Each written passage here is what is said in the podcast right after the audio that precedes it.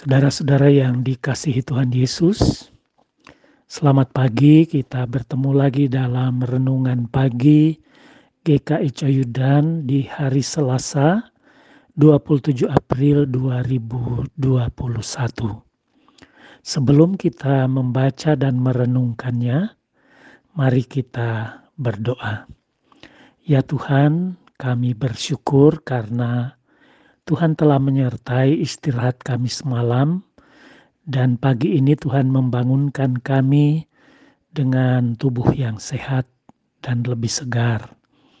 Terima kasih ya Tuhan, kami hendak memulai aktivitas hari ini, namun kami ingin mendasari segala aktivitas kami dengan firman-Mu. Kiranya firman-Mu yang kami baca dan renungkan bersama-sama menjadi berkat bagi kami, sehingga firman Tuhan senantiasa mewarnai kehidupan kami sepanjang hari ini. Kami sambut firman-Mu di dalam nama Tuhan Yesus, yang adalah firman yang hidup bagi kami. Amin. Saudara bacaan kita dari satu Tawari 11 ayat 1 sampai 9. 1 Tawarik 11 ayat 1 sampai 9. Saya tidak akan membaca semua ayat, saya hanya akan membaca ayat 4 dan 5 saja.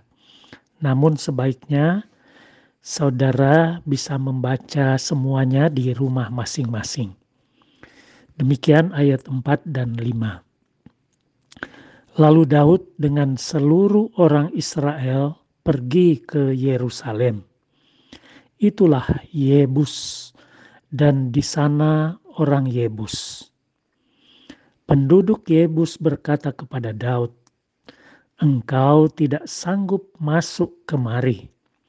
Tetapi Daud merebut kubu pertahanan Sion, yaitu kota Daud. Demikian satu Tawari 11 ayat 4 dan 5. Renungan saya beri tema karena penyertaan Tuhan. Saudara-saudara yang dikasih Tuhan, kemarin pagi kita telah merenungkan firman Tuhan tentang bagaimana Tuhan memilih Daud perantaraan Samuel untuk menjadi raja menggantikan Raja Saul yang sudah ditolak oleh Tuhan.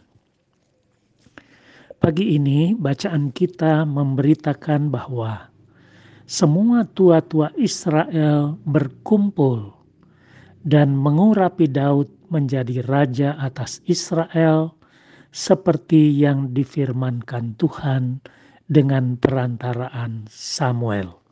Itu kita baca di ayatnya yang ketiga.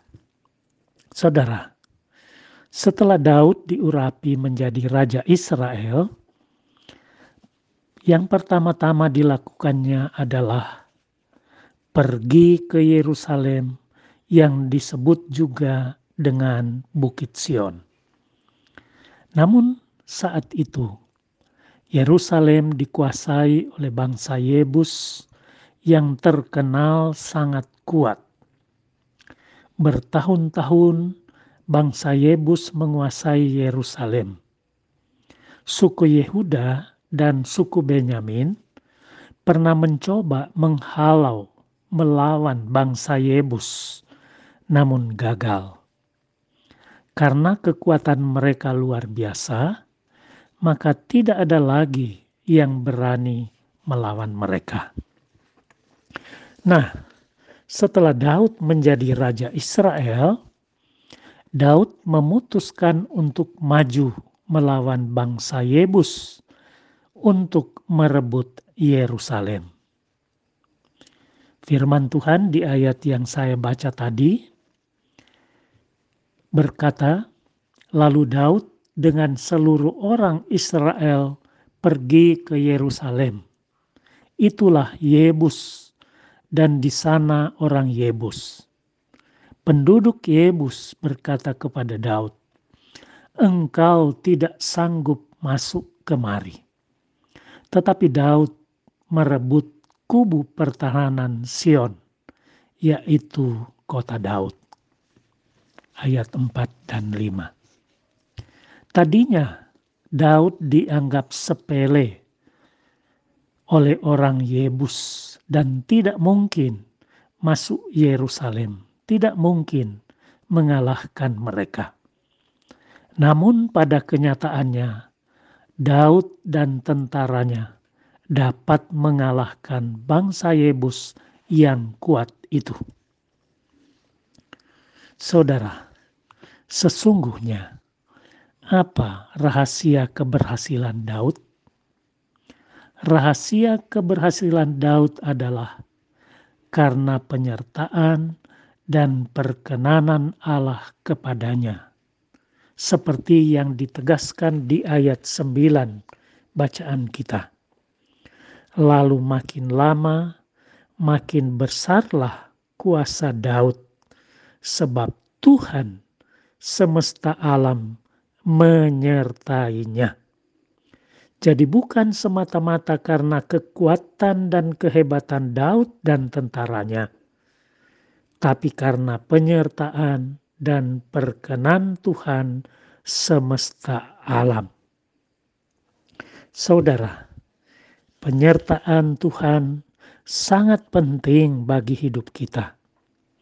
Tanpa Tuhan, kita tidak berarti apa-apa.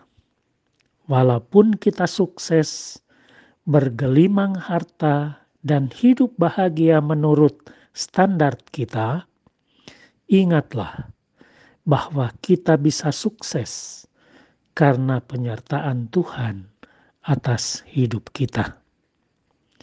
Janganlah kita memegahkan diri dan menjadi sombong tetapi bersyukurlah senantiasa dengan cara mau berbagi dengan mereka yang butuh uluran tangan kita.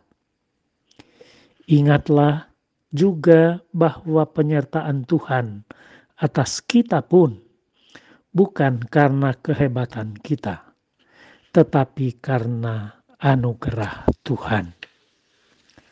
Oleh sebab itu, saudara, Bila kita menghendaki agar Tuhan menyertai kita, pastikan bahwa Ia berkenan atas segala sesuatu yang kita lakukan. Pekalah kepada suara Tuhan dan taatilah perintahnya, maka Ia akan berkenan kepada kita. Amin. Mari kita berdoa. Ya Tuhan, tolonglah kami untuk mengetahui kehendak-Mu dalam hidup kami. Mampukanlah kami untuk hidup berkenan kepadamu, sehingga Engkau selalu menyertai setiap langkah hidup kami dari hari ke sehari di dalam hidup kami ini. Berkati dan sertai kami sepanjang hari ini, sehingga kami dapat melakukan hal-hal yang benar dan baik yang berkenan di hadapan Tuhan. Di dalam nama Tuhan Yesus kami berdoa. Amin.